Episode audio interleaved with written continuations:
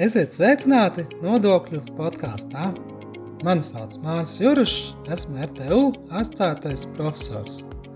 Nodokļu podkāstā mēs stāstām dažādas aktuālas un interesantas tēmas par nodokļiem. Bet ne tikai.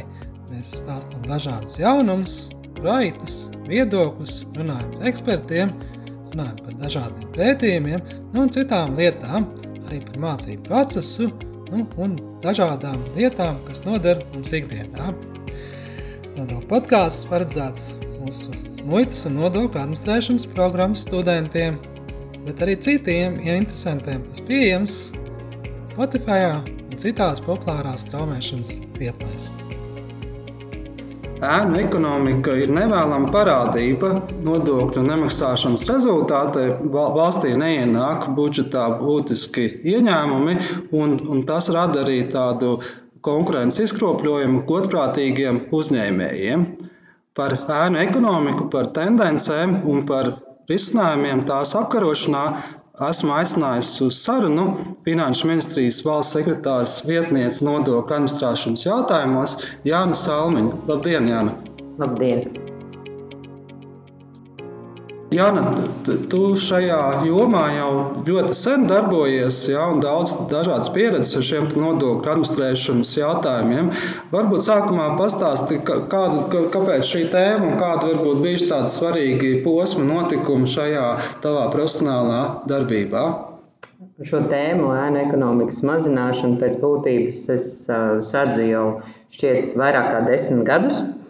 Un tas, kas noteikti, ko es varu pateikt attiecībā uz savu profesionālo izaugsmi, katrs no tiem gadiem ir bijis pilnīgi dažāds, jo tas, tie uzdevumi, ko esam skatījušies ēna ekonomikas mazināšanai, nav tikai par nodokļu administrēšanu.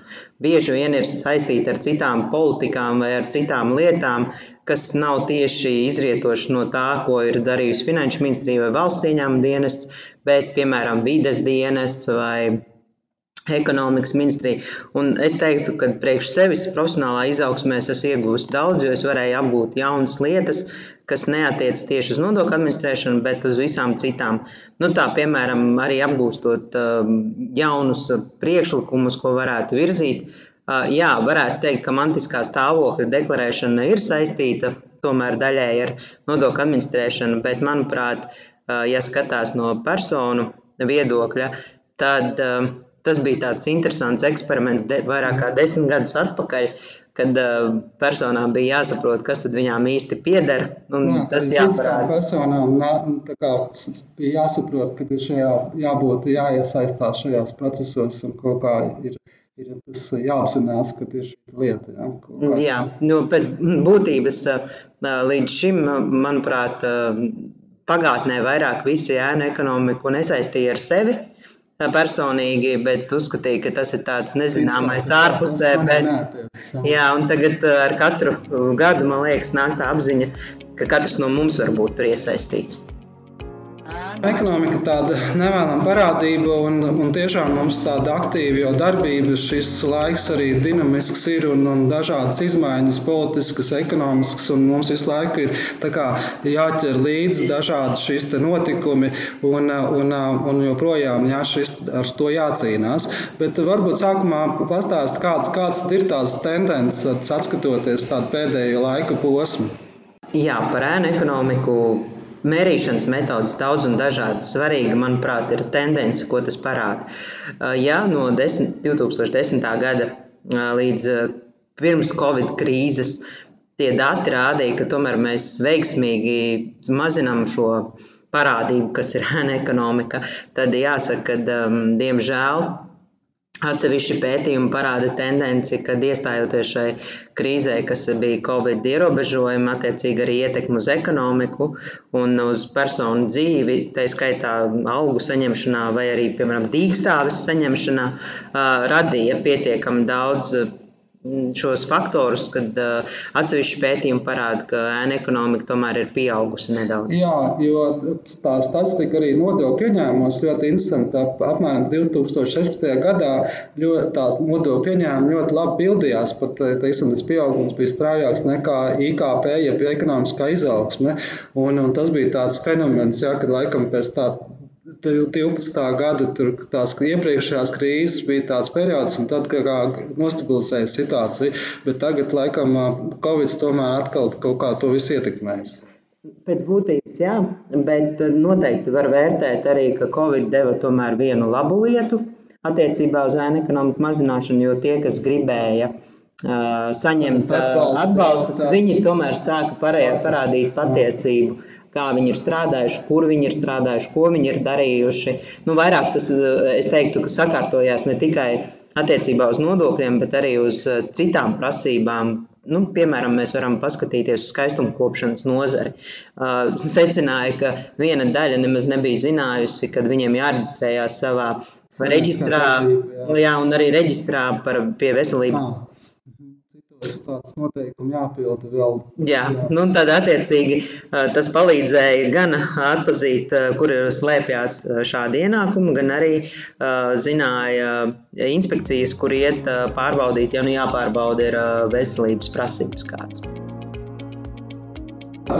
Kā jau minējām, jā, kad šīs ēna ekonomika arī rada tādu negodprātīgu konkurences spēju, un arī tā, tas, ka nu, tiešām arī personas neapzinās, jā, kad, nu, kad kaut kādas šīs, kad iestājas momenti, ka valstī jāatbalsta viņi, jā, tad, tad tā kā prasa, jā, tad, tad vai šī te, tiešām Covid laiks varbūt bija tāds atkal pagrieziena punkts, kad daudz sāk apzināties, jā, kad, lai saņemtu šādu atbalstu, ir arī jādod kaut kas valstī.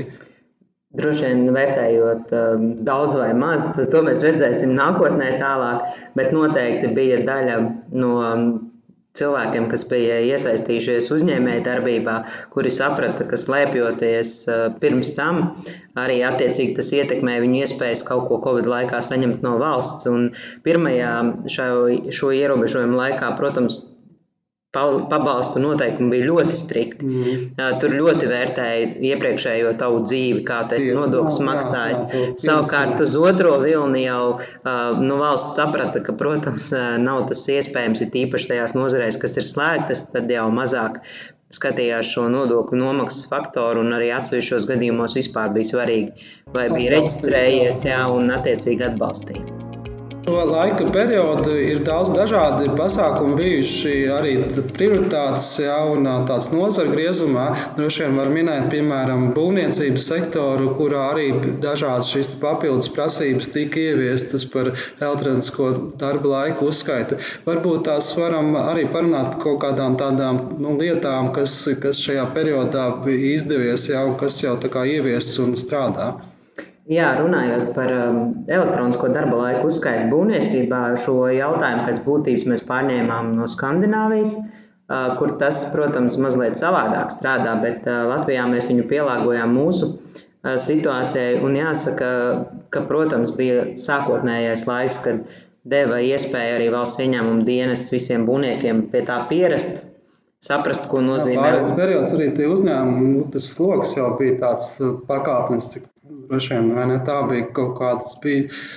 Nu, sākotnēji bija tāda nu, taustīšanās, kuru sistēmu izvēlēties, kādu izmantot. Bet, nu, attiecīgi pēc tā piereduma, kad tika ieviestas šajos objektos tās sistēmas, protams, rādās ļoti daudz un dažādi secinājumi. Ja vienā gadījumā tas ir strādājis ļoti labi un nekas slikts nebija un tiešām parādījās patiesā darba laika uzskaita šajā objektā, tad, protams, jāsaka, ka vienmēr ir situācijas, kad ir arī sliktie piemēri. Un, attiecīgi, varēja atrast arī tādas vietas, kur, diemžēl, krāpās ar šiem datiem, nodzēsa šos datus un um, līdz ar to nevarēja noskaidrot šo patieso situāciju. No tādiem nu, pieejamiem resursiem, var tā teikt, kas arī šī ekonomikā tiek izmantot, ir skaidrā nauda. Mēs zinām, tas arī rada šo risku, jā, ja mums citur ir varbūt tās caurspīdīgāk, ja, vai, vai mēs varam arī bankas jā, kontrolēt šo plūsmu, tad skaidrās naudas norēķini ja mums joprojām ir. Kā, kā šajā ziņā, kāda bijuši tādi jau varbūt tās arī regulējums un, un dažādi pasākumi? Nu, jā, pēdējo gadu laikā varbūt mazāk tās izmaiņas ir bijušas, bet pirms tam, pirms Covid, noteikti ļoti daudz dažādu pasākumu bija attiecībā uz skaidrs naudas izmantošanu darījumos. Droši vien kā spilgtāko var pateikt, ka šobrīd nekustamo īpašumu drīkst iegādāties tikai norēķinoties bez skaidras naudas veidā.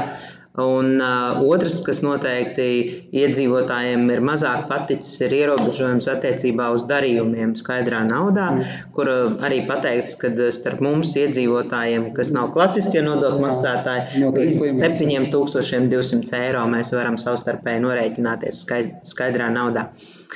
Protams, ja tā paskatās tendences, tad skaidra nauda paliek aizvien mazāk interesanta ēna ekonomikas uzturēšanai, jo ar laiku tu veidojot šādus ierobežojumus, arī nu, samazina iespējas viņu izmantot, un tomēr kaut kādā brīdī arī parādās tie dati par šādas naudas apriti. Un līdz ar to tā ēna ekonomika lēnām pārslīd uz dažādiem virtuāliem šiem risinājumiem, kur tad arī uh, Finanšu ministrija ir pievērsusi uzmanību par datu ieguvu valsts ieņēmumu dienestam, lai noskaidrotu, kādā jā, veidā to dara. Un citur, citur ja mēģināt tos arī tos maksājumus kārtot, ja kaut kādiem. Uh, jā, bet šeit gan es gribētu teikt, ka tā cilpa savalkās ar katru gadu mazāka, lai izmantotu ārzemes, jo Latvija arī ir pievienojusies ekonomiskās sadarbības organizācijas iniciatīvai, ka mēs apmaināmies ar informāciju par finanšu kontiem. Attiecīgi, aizvien grūtāk būs noslēpties, ja visas valstis būs pievienojušās. Valsts ieņēmuma dienas noskaidros par mūsu iedzīvotājiem un nodokļu maksātājiem šo informāciju. Viens eh, arī tāds eh, veids, kā šie eh, ienākumi netiek deklarēti, mēs saucam viņus tādā tautas valodā, jā, pa aploksņa algām. Jā. Un droši vien tas ir tāds ļoti izplatīts nu, gadījumi, jā, ka tā tad faktiski šīs te ekonomikas ietvaros, jā, šie tie ienākumi, kas netiek deklarēti, jā, tālāk tiek sadalīti jā, un iesaistīts faktiski arī darbinieki. Kā, kā šajā ziņā bijuši kaut kādi pasākumi pret šo parādību? Jā, pēdējos divos gados īpaši akcents bija likts uz um, aploksņu augu izskaušanu. Un pēc būtības tas nozīmēja uh, meklēt risinājumus, samazināt iespēju šādu skaidru naudu dabūt, jo pēc aploksņa augā ieliek skaidru naudu. Un vai nu arī sadārcināt šādas skaidras naudas iegūšanu. Uh, viens no instrumentiem, uh, lai mazāka plūsma būtu pāri valstu robežai, gan iekšējai, gan ārējai, bija dažādi limitu noteikšana. Mm -hmm pienākumu uh, iekļaušanu deklarēt uh, skaidrs naudas pārvadājumus virs 10 tūkstošiem. Jā, tas ir nostrādājis. Man jau, jau bija informācija, ka tiešām atsevišķi pilsoņi un, un iedzīvotāji jā, ir, ir iekrituši un, un arī nav zinājuši, jā, ka šādas prasības ir. Jā. Jā, un, un otrs virziens, protams, bija tieši saistīts ar ar to, kad, kādus instrumentus dot valsts pārvaldei, lai skatītos uz uz, uz šīm aploksņa algām un efektīvi ar viņām cīnītos. Eh, nu, vairāk tas virziens bija uz eh, netiešo metožu izmantošanu tieši nodokļu aprēķinu veikšanā nu, jā, kaut kāda riska analīze, lai identificētu, ja, kuros, kuros na, uzņēmumos jā, potenciāli ir šādi, varētu būt izmaksāta alga nu, un netiek deklarēta. Tad tas ir tas virziens, droši vien. Jā, jā nu, valsts ieņēmuma dienas, ņemot vērā visu savu lielo informācijas apjomu, kas viņam ir pieņi, pieejams, varēja veikt šādu jā, salīdzinājumu un novirzes no normas gan starp sektoriem, gan starp uzņēmumu lielumiem reģioniem, un arī profesiju līmenī datu pieejamība, jā, informācijas iegūšana no dažādiem avotiem, tas noteikti palīdz arī cīņā ar ēnu ekonomikā, jo var salīdzināt šos datus ar deklarētiem datiem. Kā, kādi ir šie pasākumi, lai šo arī procesu pilnveidot, uzlabot un vairāk uh, datus no dažādiem avotiem iegūt?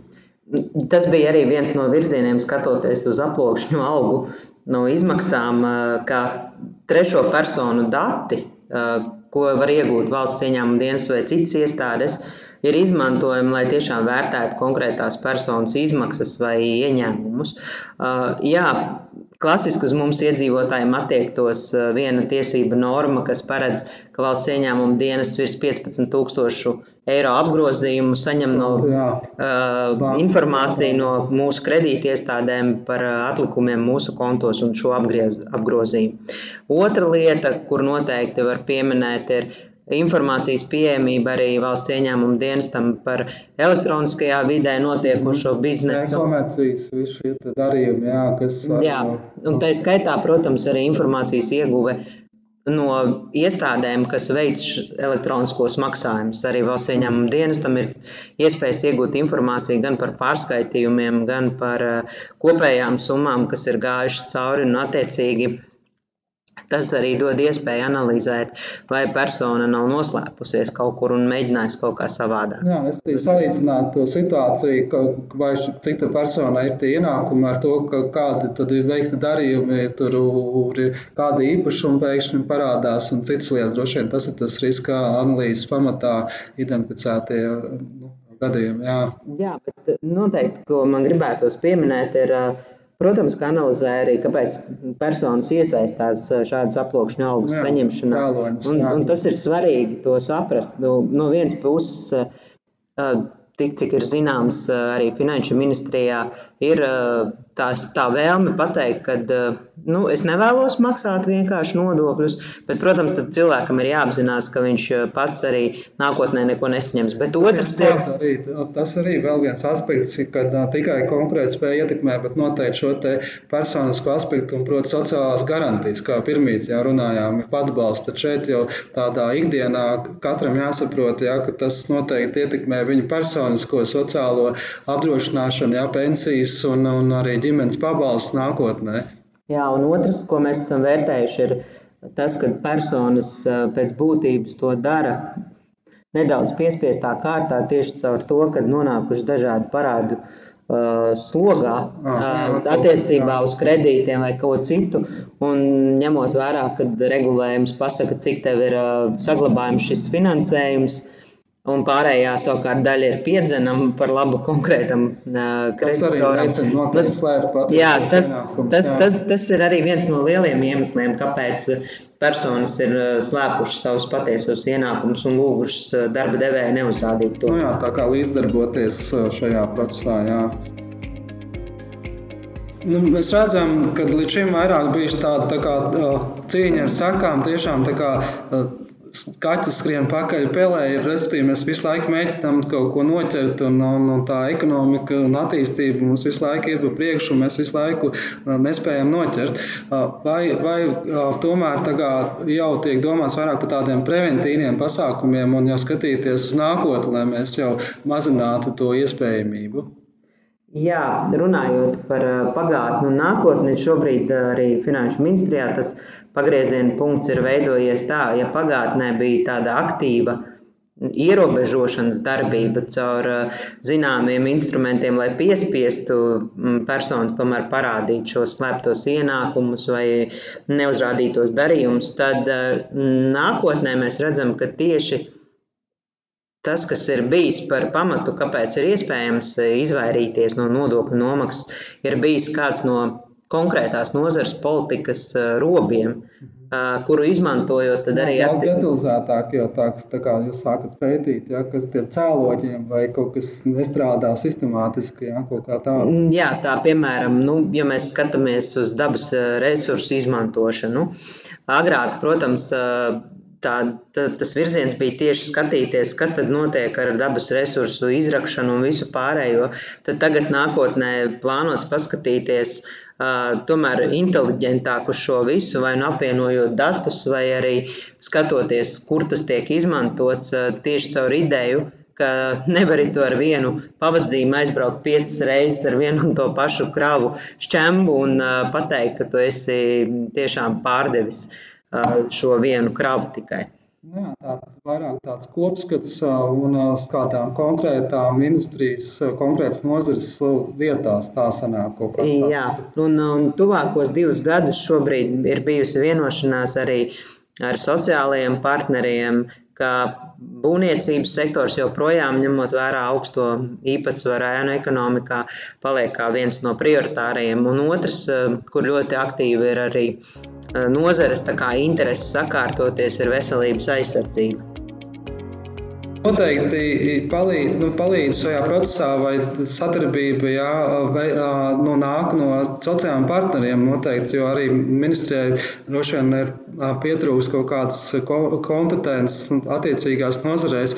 Kā, kā ir, vai sociālajā partneri arī palīdz šajā procesā, vai pretojās un, un, un, un negrib, ka to risina?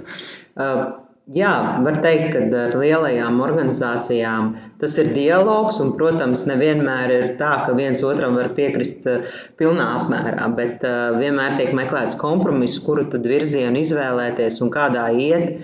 Bet noteikti ir nozares, kas ļoti vēlas sevi sakārtot tieši caur to, ka ir vairāk lielie spēlētāji, kuriem, tā skaitā, kam ir ārvalstu kapitāls, viņiem nav tā vēlme slēpties ēnās, un līdz ar to noteikti viņi grib interesēt sakārtot to vidi un veicināt tos konkurences apstākļus. Jā, un tad es teiktu, ka tās nozares ir visaktīvākās nākot un parādot gan visas šīs tēmas Eh, iespējas, kā var noslēpties, jā, un tā skaitā arī sniedzot valsts ieņēmumu dienestam dažādu informāciju un veidu, kā vērtēt riskus un visu pārējo.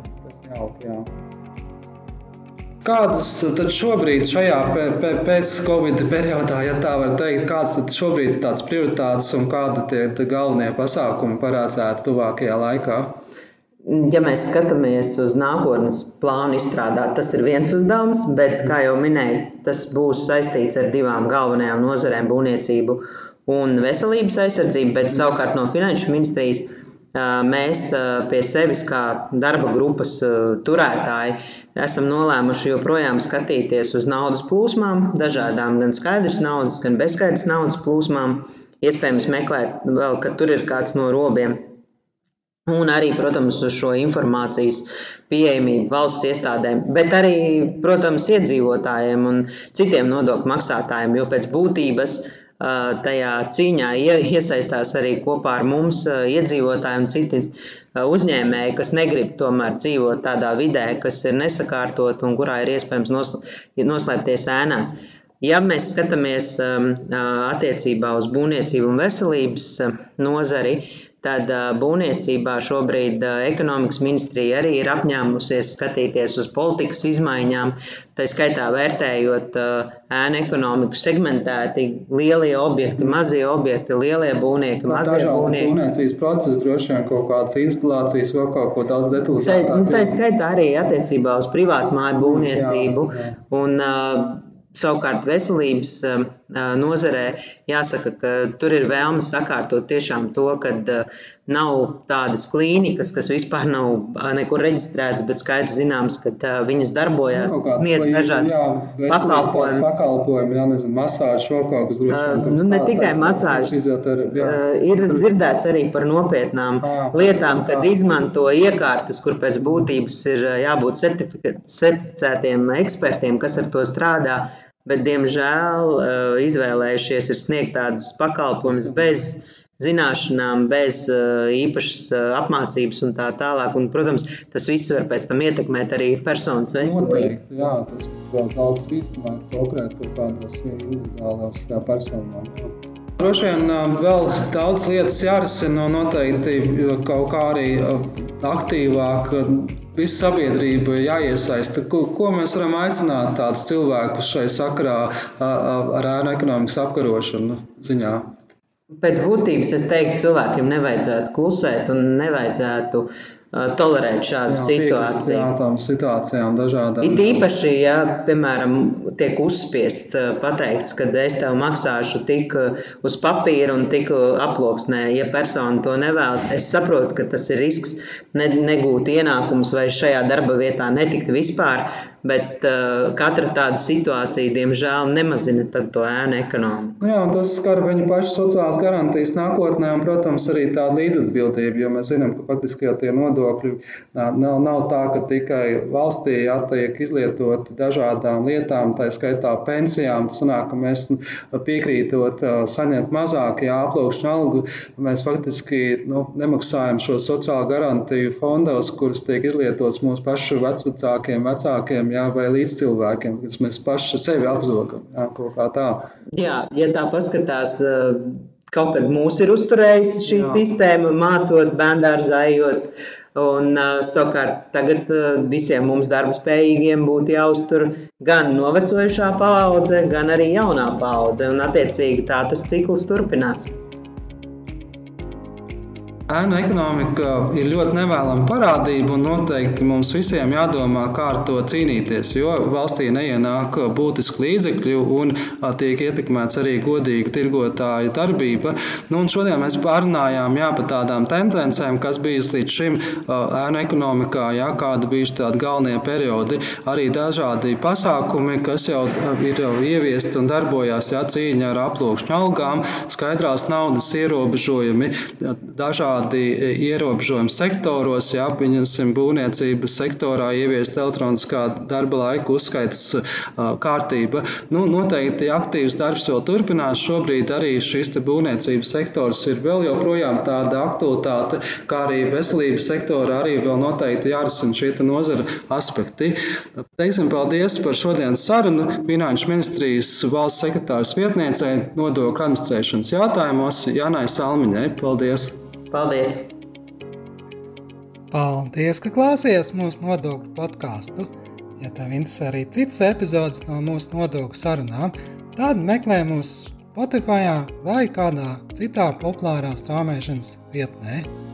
Atsauksmes sūta mums e-pastā māris.cirus at rtu.lv. Tā, līdz nākamajai reizei!